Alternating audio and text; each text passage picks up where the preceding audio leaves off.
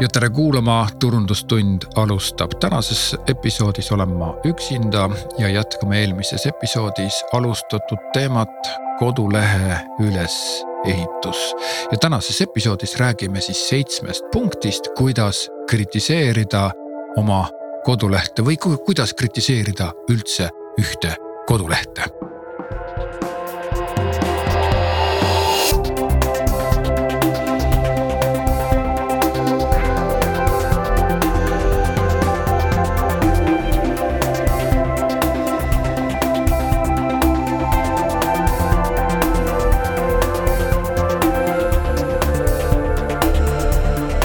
punktid mul kenasti kirjas ja alustan järjest algusest peale kuni lõpuni ja käime läbi, et oleks aru saada ja selge, et kuidas, kui kodulehele kriitikat anda, et kuidas siis nagu vaadata kasvõi ise oma kodulehte, kuidas vaadata, ega täiskriitikat ei saa oma kodulehele anda. aga saab üles leida need kohad, mis on just vajavad nagu fookust, vajavad tegelemist, vajavad seda, et neid parandada või kuidagi nagu paremaks teha ja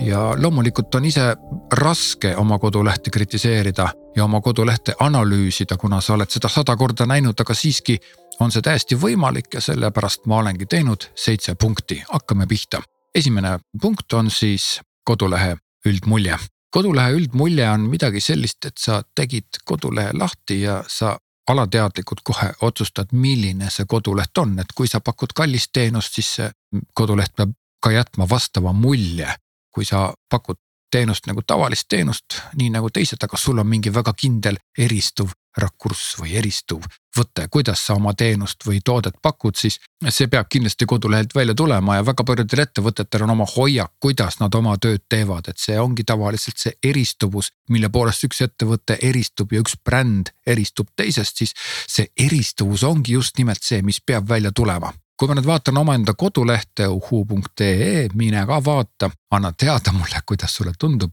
kuidas see esmamulje on. siis ma arvan, et mul see esmamulje on üsna paigas, sellepärast et ma olen freelancer, ma olen sihuke üksik tegija ja minu koduleht peabki nagu väljendama siis minu enda persooni brändi ja ta peab nagu mind edasi andma, ehk siis seda, kuidas mina oma teenuseid teen. Ja mul on siin nagu mitu punkti ja siin eelmises episoodis on läbi käidud ka lifti kõne, et milline olen, ma olen ja mismoodi ma oma teenust pakun, siis ma usun, et see enam-vähem tuleb niimoodi välja. aga jällegi, äh, miks ma sellise punkti siia lisasin? Mm, vaatame seda nüüd te, nagu teist otsa. tänapäeval saab kodulehti teha väga lihtsasti niimoodi, et sa tõmbad template'i alla, muudad sealt tekstid ära, pildid ja võib-olla paned õige logo, võib-olla ka värve natukene et siis eh, siin tekivadki käärid, et võib-olla, et see layout ja võib-olla see kõik on nagu meenutab liiga midagi muud. ja see, et ta meenutab midagi muud, seal läheb kaduma see sinu ettevõtte eripära. et see on nüüd ütleme siis see, kus peaks minema punane tuli põlema, et jah, ta on ilusasti kujundatud, jah, ta on ilusasti tehtud, kõik on nähtav, aga ta ei anna edasi seda ettevõtte eripärasust ja see ongi see esimene punkt. et kas see kodulehe üldmulje on selline, nagu on ka sinu ettevõtte nägu, nagu sinu bränd on. järgmine punkt on kujundus. millist sõnumit edastab kujundus? nüüd kujunduse all ei ole mõeldud sama asja, mis üldmulje, kuna üldmulje on võib-olla rohkem sihuke üldisem ja alateadlikum ilma süvenemata, siis kodulehe kujundus peab ikkagi ka olema kui on ettevõttes CVI olemas, ehk siis stiiliraamat, siis kindlasti see stiiliraamat peab olema kajastatud kodulehel. kui seda stiiliraamatut ei ole, siis koduleht peab oma kujunduse poolest sarnanema siis ma ei tea, tootepakenditele, teenuse mingisugustele kirjeldustele, buklettidele, sotsiaalmeediale, kasvõi sinu kontorile, kasvõi sinu mingisugustele. kui, kui, kui mitte midagi ei ole, siis kas sinu, kui inimene vaatab sinu toodet või lõpptoodet, siis kas see toode on selline, mida ta tahaks leida sinu kodulehelt või kas see tundub nagu loogiline, et, et see peab olema selline ühtne nägemus, kus see toode on justkui sinu maailma üks kõige tähtsam osa. mitte niimoodi, et, et meil on selline üleüldiselt aktsepteeritav kodulehe kujundus ja raamistik ja, ja seal sees on siis sinu toode lihtsalt kui üks toode, aga samas seal võiks olla ka ükstapuha mis toode kas autokumm või pakk porgandeid, et nagu vahet pole, peaasi, et on nagu nii-öelda ilusti ära eksponeeritud, siis kindlasti iga temaatika tahab saada omamoodi kujundust, ta tahab saada omamoodi lähenemist ja stilistikat, et kui see stilistika on siis sihuke ülistiilne siis ta peab olema koduleht samamoodi üli, ülistiilne, kui see lähenemine on kuidagi rohmakas, lihtne, odav, kerge, siis see koduleht peab samamoodi olema sihukene lihtsasti kujundatud. Suured selged kastid, et, et seal kindlasti ei peaks olema mingisugust sihukest üleliia luksusele vihjavat äh, temaatikat, et kujundus räägib ka tegelikult oma keelt ja kujundus räägib ka seda keelt, et aga mismoodi sa oma teenust pakkuda, et, et vahest tekivad käärid, et, et ettevõte arvab, et ta on jube hästi pakub oma teenust, aga tema koduleht on võib-olla sihuke plain ja lihtne. Argumendina on see, et jah, et aga me tahamegi, et meie koduleht oleks lihtne, siis tegelikult see annab ikkagi vale sõnumi. mina enda kodulehe kohta arvan, et, et see kujundus on, kuna ma ise olen, eks ole, kujundaja olnud aastaid-aastaid siis ja kujundusega tegelenud, siis ma arvan, et see kujundus väljendab küll päris hästi minu enda olemust. järgmine punkt on sisu nüüd siin on jälle väga raske punkt ja keeruline on paika panna, et kas see sisu nüüd siis on see ja sisu ei tähenda ainult tekstide sisu, vaid sisu on ka pildid. sisu on ka see, et mida sa üldse kirjutad. näiteks sinu kodulehel on siis sinu meeskonna pildid, siis meeskonna pildid peavad olema ikkagi sellised, et. et täpselt selle teema raames ma tahan selle inimesega suhelda või see inimene tundub mulle usaldusväärne sellel ettevõttel ja see inimene omaenda kontol võib välja näha selline, nagu ta tahab, aga seal ettevõtte kontol ta peab välja nägema selline, et ta täpselt kannab selle ettevõtte väärtust ja väärtusmaailma ja see ongi sisu. ja samamoodi on ka see lugu, et pildistatud pilt peab väljendama täpselt ettevõtte väärtusmaailma et siis, kui ikkagi on tegemist luksuslikkusega, aga töökoda on jube räämas ja sihuke suvaline, siis need kaks asja omavahel kokku ei lähe, järelikult tuleb noh, pildid teha sellised, et nad vastaksid kodulehe üldmuljele. ja samas on ka sisu, et tegelikult kui, kui näiteks Päisesse pannakse pilt, kus on puhas loodus, aga ettevõte tegeleb mingisuguse täiesti tehnilise asjaga, ma ei tea, IT-teenuseid pakub, et siis see looduspilt tekitab seal küsimusi, et aga miks siis see looduse pilt seal on. et see, siin on nüüd selline sisuline teema, et tegelikult täna peavad juba kõik pildid ja kogu sisu olema vastavalt selline, nagu on ettevõtte enda olemus. rääkimata siis tekstidest ja tekstide kirjutamise mm, sihukesest tonaalsusest. seda nimetatakse ka tone of voice ehk siis mismoodi see bränd ennast läbi te tekstide väljendab, kuidas ma tunnetan seda brändi, kuidas ma tunnetan sinu ettevõtte olemust läbi selle, et ma loen sinu tekste mina iseenda veebi kohta arvan seda, et minu tekstid ja minu pildid ja minu sisu on paigas, kuna ma tegelen päris palju sisu loomisega ja turundan ennast läbi sisu. et siis mul selle sisuga nagu probleeme ei ole. järgmine punkt on paigutus. ja siit läheb nüüd siis sihukeseks ratsionaalsemaks asi. paigutuse osas on tegelikult põhimõte hästi lihtne. kui ma tulen sinu ettevõtte kodulehele, siis ma tahan näha, et need kõige olulisemad asjad ongi paigutatud ettepoole sealt edasi toimub siis jaotuste kaupa mingite sihukeste loogiliste kategooriate kaupa see edasine jaotumine niimoodi, et, et ei ole toodud siukseid ebaolulisi asju liiga äh, olulisele kohale või siis, et ütleme, et, et päise pilt ja päise teema on nagu mingisugune hooajaline teema, mis hetkel on oluline aga edasi lähevad siis mingisugused muud teemad ja siis see ettevõtte päis jääb sinna, ma ei tea, aastaks ajaks pidama, kuigi see pakkumine toimus ühel kindlal kuupäeval ja nädala aja jooksul, et siis vahel sellist viga nagu tehakse, et kindlasti kui päis on sihuke muudetav, siis see peaks olema alati ajal tasa ja peaks edasi. kui pakkumist ei ole, näiteks kui on päises pakkumine, siis kui pakkumist ei ole, siis päises peaks olema midagi ettevõtte teema kohast või ettevõtte teema kohaselt üldist nüüd mm, paigutuse kohaselt on, on oluline ka see, et, et teemad oleksid paigutatud, plokid oleksid paigutatud sedasi, et neid oleks nagu loogiline vaadata. ja et tuleks välja kogu äh, ettevõtte temaatika ja tegevustik sedasi, et sa saad nagu üsna konkreetselt aru, millest jutt käib ja kuidas ma seda kodulehte nagu läbin kuidas ma sellel kodulehel teemasid ja punkte ja tooteid ja, ja asju nagu üleüldse infot üles leian. Enda kodulehel ma leidsin sellise vea. ja alguses mulle tundus jube hea mõte, et ma panen esilehele ainult podcast'id ja oma teenused on ainult menüüst kättesaadavad, et ma neid teenuseid esilehele ei too, aga mida rohkem ma vaatan, ja kui ma omaenda kriitikapunkte läbi käin, siis ma leian, et jah, esilehele ma pean ikkagi tooma ka oma teenuseid ja oma sisutükid, minul on podcast'id, siis need on ilusti välja toodud, aga mul on ka nagu blogipostitused. ja, ja seal on ka osaliselt videoga blogipostitused ja muud sellised, et need võiksid olla kuidagi nagu kajastatud, eriti just nimelt teenused kuna minu mm, puhul ei saa olla teenus lihtsalt kui üksik sihuke paljas klots, kus on nimi all ja hind. Siis ma pean päris palju julge, juurde selgitama, siis tegelikult see podcast'ide kuvamine esilehele on põhjendatud. aga praegusel hetkel nad omavad liiga suurt tähelepanu selle jaoks, et tulla sealt minu teenuseid otsima, kuna inimene ei hakka ju tunni ajast podcast'i läbi kuulama selleks, et teada saada minu teenuse hoiakutest, et see podcast ilmselt on mul hetkel natukene üle Ähm, paisutatud. järgmine punkt, millele tähelepanu pöörata, on navigatsioon, hästi tähtis teema. Navigatsiooni puhul on lihtne reegel, et ta peab olema kindlasti kas kahekordne või isegi kolmekordne või isi, minugi poolest isegi neljakordne. kuna inimesi on erinevaid, mõned otsivad näiteks kontakti võtmiseks seda kontakti vormi, teised jälle otsivad seda ette võtta juriidilisi andmeid. Nad tahavad neid juriidilisi andmeid saada, seal on ka juriidiliselt nii-öelda kinnitatud emaili aadress, kus kaudu saab ühendust võtta ja. ja siin on juba väga lihtne moodus, kuidas inimesed tarbivad, erinevad inimesed tarbivad erinevat moodi eh, seda navigatsiooni et mõni otsibki seda linki kontakt ja teine vaatab jaluses, kas on kontakti, mõni otsib kontaktilehte hoopis päisest, kas see number või emaili aadress on. Eh, et minu puhul võib-olla see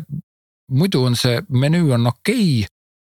ja see on arusaadav ja see on kenasti navigeeritav, aga nüüd, kui tulla jalusesse, siis jalus on mul võib-olla natukene kasin, et mul on päris palju teenuseid, mm, kokku vist kaheksa või, või kümme tükki ja need jaluses võiksid olla need teenused siis ükshaaval lahti jaotatud, mitte et ma, et ma dubleerisin praegusel hetkel oma peamenüüd siia jalusesse, aga jaluses võiks olla siis pikemalt. kunagi olid tegelikult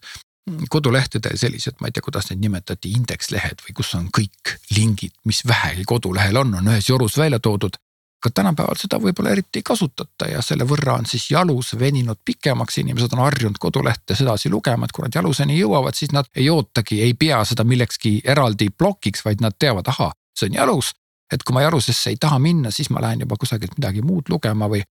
või et artikkel lõppes ära, nii et siis jalus jällegi on sihukene väga hea meetod, kus panna kõik oma need lingid, mida vähegi kodulehel leida võib, panna nad sinna ritta, et siis see ongi nüüd see kahekordne äh, navigatsioon. üks on siis peamenüü kindlasti ja teine on siis äh, nagu näiteks jalus ja kolmas navigatsiooniliik võiks olla siis see loogiline navigatsioon, et näiteks kui sul on teenus ja sul on blogipostitus, mis räägib teenusest, siis teenuses on kindlasti vihjatud, et näed, et kui sa tahad seda teenust ise vaadata, siis ta on siin ja klikkad ja lähed teenuse peale ja teenuse juures jällegi on väikene vihje, et näed, siin ma nüüd räägin sellest teenusest või siin me nüüd siis räägime sellest teenusest, loe eh, blogipostitust selle teenuse kohta või miks mitte ka mitmeid blogipostitusi. et loogiline navigatsioon on, võiks olla siis see kolmas element üks asi navigatsiooni puhul on veel see, et vahel kiputakse panema esilehel päris palju nagu üleliigseid linke ja siis see peamenüü kuidagi nagu ei, ei mahu ära, näiteks Tallinna linna kodulehel on väga selgelt tunda see, kuidas ülesse päisesse peamenüüsse on pandud hästi palju linke ja, ja nad kuidagi ei mahu sinna ära ja nad nagu katavad pärast mingisuguse otsikasti kinni ja ja nad tekitavad sihukest müra ja siis, kui sa neid linke loed, siis tegelikult on aru saada, et nad on püüdnud tähelepanu pöörata erinevatele kohtadele, ilmselt peavad need klotsid olema siis või see info olema leitav ja ma saan sellest aru. aga selle, see koht ei ole peamenüüs. navigatsioon peab olema ikkagi kindel nii-öelda trepp või, või maja viidastik, kus kohas sa mida leiad, et navigatsiooni läbi ei saa nagu mingisuguseid nii-öelda juttu ega sisu ei saa tuua navigatsiooni, navigatsioon peab olema karm ja, ja täiesti emotsioonitu navigatsioon, kus sa leiad üles eh, kõik vajalikku. järgmine punkt on tehniline. see on nüüd selline väga huvitav punkt, et kuidas siis tehniliselt ise hinnata oma kodulehte, aga see on tegelikult palju lihtsam, kui arvata võiks. see on selline, et sa pead istuma maha, võtad umbes tund aega võtad oma kodulehe ette ja klikkad läbi kõik lingid paned kõik videod käima, kõik mingisugused allalaetavad failid, vaatad, kas nad tulevad alla, kõik vormid peavad olema täidetavad, absoluutselt kõik, mis on tehniline, kõik peab töötama. ja see on üks tüütu töö, aga usu mind, see aitab, see aitab päriselt ka, kui sa ise oled surmkindel ja ise oled veendunud ja läbi proovinud kõik lingid, kõik peavad avanema, kõik sotsiaalmeedia ikoonid, kõik asjad peavad töötama. teine asi, mis tehnilise kriteeriumi puhul on väga olulised, äh, on see, et kas pildid on siukses normaalses kaalus, et noh, vahel on mõni väike tikutopsi suurune pilt, aga tegelikult see pilt ainult näidatakse nii väikselt, tegelikult on hirmus suur ja avaneb aeglaselt. ja kui siuksed väiksed tikutopsi suurused pilte on nagu terve lehe täis, kolmkümmend tükki, mingid tootepildid näiteks, siis, siis noh, ta on jah sihuke. võib-olla teeb seda kodulehte natuke raskeks. või siis, et kas see video nagu mahub ära ilusti või kas üldse koduleht mahub sinna brauseri aknasse ilusti ära, kas midagi kusagilt läheb üle, kas midagi katab või jällegi, kas mingisugune tehniline lahendus, mingi väga fancy, fancy mingisugune sisu jaotamise JavaScriptiga tehtud mingi asi, et kuidas need siis erinevad mingid punktid, kus avanevad, et kas see, kas see ikkagi päriselt ka töötab ja kas see päriselt ka toimib ja. ja kas sealt saab ikkagi sama lihtsalt kõike vaadata, kõike seda tuleb kontrollida. ja siis on tehnilises mm, kriteeriumis veel üks asi. Kas kõikides Mm, tänapäeval käibel olevates arvutites ja brauserites see koduleht avaneb. kuna vahel on mõnedes brauserites sihukene mingisugused vahed on vahel ja, ja programmeerijad ja kodulehe tegijad peavad seda alati arvestama, et näiteks vanad Internet Explorerid ja pisut vanemad Internet Explorerid näitavad asju teistmoodi mõni brauser paneb kusagile mingisuguse ühe pikseli juurde. ma pean tunnistama seda, et mida aeg edasi, seda paremaks kõik brauserid lähevad, et tänapäeval on juba Internet Explorer ja, ja Microsoft Edge on täiesti head brauserid ja rääkimata nendest teistest brauseritest. aga ikkagi erinevates brauserites, erinevates süsteemides võib tulla ette mingeid siukseid kohti, mida ei oska unistadagi, ei oska nähagi, isegi selle kodulehe arendaja ei proovinud niimoodi. aga kui see võimalus on olemas, siis lihtsalt läbi käia erinevates brauserites, erinevates arvutites oma koduleht, mina olen seda vaadanud ja minul tundub korras olevat. siia juurde ma panen ka ühe küsimuse, et kas koduleht peab olema nähtav ka vanematest arvutitest ja need on vanemad Internet Explorerid, mis kunagi olid väga levinud. et mis sina arvad, kas, kas peaks olema nähtavad või, või ei peaks olema nähtavad? kindlasti võid mulle kusagile tagasisidesse kirjutada, kus sa leiad. mina ise arvan, et ei pea sellepärast, et koduleht peab olema ikkagi kõigi, kõikides tänapäevastes seadmetes nähtav, aga siin on selline aga ka sees, et kui sinu ettevõtte sihtgrupp, kui sinu ettevõtte kodulehte vaatav valdav osa inimesi on sellised,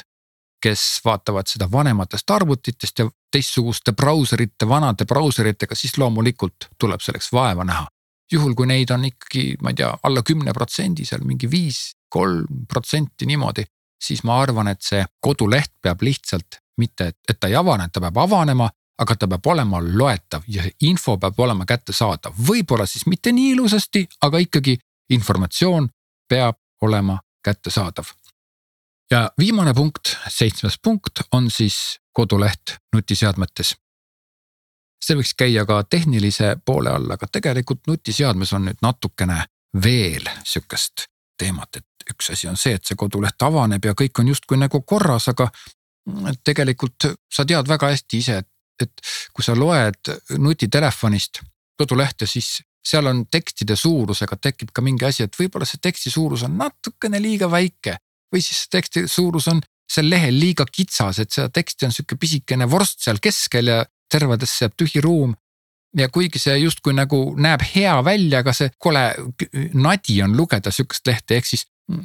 nutiseadme puhul peab kogu see kodulehe kujundus ja hoiak ja see nii-öelda lähenemine, kodulehe kontseptsioon peab välja tulema samamoodi nagu arvutist, kuigi ta on erinev, ta on teistmoodi aga nutiseadmetel siis mitte, et kas ta avaneb, kas sa saad lugeda, kas sa näed kõike, vaid et peab olema seesama koduleht, mis on adapteeritud ehk siis äh,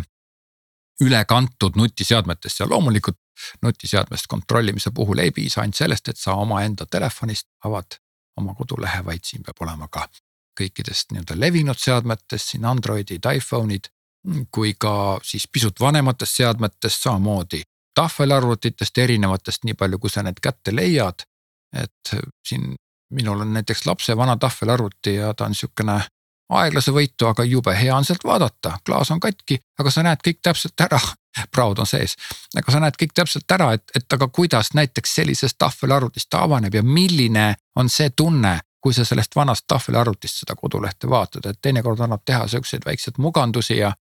mõned need mugandused on nagu tehnilistele inimestele päris lihtsad, tuleb lihtsalt paar sihukest rida lisada kusagile koodi ja, ja juba ongi sinu koduleht. näiteks sihukestest keskmise suurusega tahvelarvutitest natukene paremini loetav ja kättesaadav.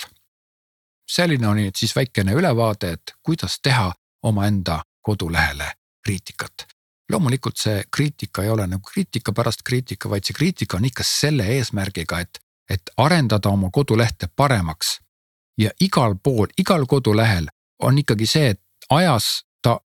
kipub tahes-tahtmata olema niimoodi, et ta peab ajas natuke muutuma. Ja alati asjad peavad minema nagu paremaks kodulehel, sellepärast et meie aeg muutub, praegusel hetkel hakkas juba järgmise koroona lockdown'i periood, praegu on aasta kaks tuhat kakskümmend üks ja märtsikuu. nii et, et noh, siis vastavalt sellele nüüd inimeste jälle käitumine muutub, eriti kodulehte vaadates. Ja siin, kes nüüd siis otsivad mingisugust teatud infot, siis nüüd teatud infot otsitakse nüüd rohkem, teatud infot otsitakse vähem. ega sellega ei pea kaasa minema, aga sellele peab lihtsalt tähelepanu pöörama. väga lihtne on nagu minul rääkida seda, et koduleht peab olema selline noh, kena ja ajal tasa, siis ma tean väga hästi seda, et, et koduleht, kodulehte arendada ja muuta on sageli üsnagi keerukas ja kuigi ma ise tegelen Wordpressi veebidega, siis, siis see muutmine jah, vahest on sihukene. minul enda kodulehti on lihtne muuta, aga, aga mõnesid kodulehti, eriti ettevõtete puhul ja eriti sihukese, sihukesel puhul, kus on näiteks tegemist mingi veebipoega, neid süsteeme on pisut keerulisem muuta, siis. järjest olulisemaks läheb see, et aga kas sa oled täpselt läbi mõtelnud, mida tuleks muuta ja milliseks tuleks muuta ja kas see, mida sa ise arvad oma kogemuse põhjal, kas see on see õige või on seal veel midagi, mingisugused siuksed punktid, mida peaks läbi käima. et teada saada, et kas, kas see muudatus, mida sa planeerid oma kodulehele või näiteks uus koduleht, mida sa planeerid, et, et millele ta peaks tuginema ja mis on seal kõige olulisem. me elame väga huvitaval ajastul. Äh, internet ja kodulehed on praegu kusagil kakskümmend aastat olnud väga aktiivsed. ja selle ajaga on kogu maailma kodulehe internetilehtede kogemus, kujuta, kujuta pilti jah, ta on muutunud ja inimesed on õppinud kodulehti teatud moodi lugema, nad on ka harjunud kodulehti teatud moodi lugema, selles mõttes mina ei arva, et koduleht peaks olema mingisugune noh, ettevõtte koduleht, et ta peaks olema mingi väljendama ainult nagu mingi sellist nagu väga-väga erilisi hoiakuid, et ta peab olema ikkagi üldsusele mõeldud, massidele mõeldud infokogum, kust on olulised asjad kättesaadav, aga ta väljendab oma seda hoiakut läbi kujunduste ja läbi selliste kujunduspõhimõtete. selles mõttes ma soovitan äh, lihtsalt huvi pärast läbi käia suurte ettevõtete ja maailmas suurte ettevõtete ja kuulsate ettevõtete äh, kodulehed. näiteks Microsoft, näiteks Apple, näiteks äh, noh, ma ei tea, siin Eesti Telekomid kuna nemad tegelevad kodulehe probleemidega, ma arvan, et pea igapäevaselt. Neil küll, neile tuleb neid kirjasid, küll tuleb seda, küll tuleb teist. Ja nende suurte ettevõtete kodulehtedelt on näha neid trende, neid hoiakuid, milliseks muutuvad sisukastid, milliseks muutuvad pildid, milliseks muutub layout? Ja sealt saab sihukese väikse tunde kätte, et aga nemad on oma muutused teinud läbi vere ja pisarate, sellepärast et nad on saanud ilmselt päris kõvasti mingisugust tagasisidet. Nende kodulehti vaadatakse mitte siin sadades ega, ega tuhandetes, vaid nagu sadades tuhandetes ja suurt ülemaailmsete ettevõtete kodulehti vaadatakse ju, ju miljonites, et. et, et nemad on ikkagi läbi väga karmi arengu saanud kätte ja jõudnud täpselt selle punktini, kus nad antud ajahetkel on, nii et selle jaoks on need suurte ettevõtete kodulehed ühed väga head näidismaterjalid. mina ise pakun ka seda teenust, kodulehe kriitika ja võib-olla see kriitika tekitab natukene, ajab harja punaseks, mis kriitika, miks ma ei ütle analüüs, siis tegelikult kriitika ongi just see, et, et kui sa oled oma kodulehe arengus ja omaenda arengus ja, ja kodulehe tegemise arengus jõudnud sinnamaani, et sa saad aru, et sulle on vaja kriitikat. siis ma, ma just selle jaoks selle teenuse pakkusin ja needsamad punktid, mida ma siin täna ette lugesin, on minu kodulehelt kättesaadavad, siis siin on kodulehe kriitikateenus ja siin on need punktid olemas niimoodi, et sa saad ise nendega täiesti tööd teha. mina ise pakun seda teenust ja pakungi selle mõttega, et ma olen see erapooletu, see asjasse puutumatu inimene, kes vaatab täiesti sõltumatu pilguga sinu kodulehe läbi, aga mm, ma ei ole mitte lihtsalt tavaline inimene, aga lihtsalt ma olen kodulehtedega päris palju tegelenud oma, ma ei tea, viisteist aastat vähemalt vist olen neid teinud ja igas nii-öelda selles protsessis osalenud igasuguse külje pealt, nii et ma, ma seda kodulehtede loogikat ja seda tunnetust ma, ma tunnen nagu ja tajun nagu väga hästi. ja sellepärast ongi see teenus mul, et, et saada kellegi erapooletut arvamust ja mikspärast see teenus on. see ongi sellepärast teenus, et, et see, see on tasuline teenus ja mul ongi vaja käia neutraalselt ja argumenteeritult põhjendatult läbi kõik need punktid seal. ma loodan, et sa said siit sellest episoodist said targemaks, et sa said siit kasu ja et sa saad ka ise oma kodulehte läbi käia selle pilguga. ja veel kord rõhutan seda, et, et enne kodulehe muudatuse tegemist, see eeltöö on ääretult oluline, et sa ise jõuaksid arusaamisele, et mida täpselt vaja on. olge terved, olge hoitud ja pidage vastu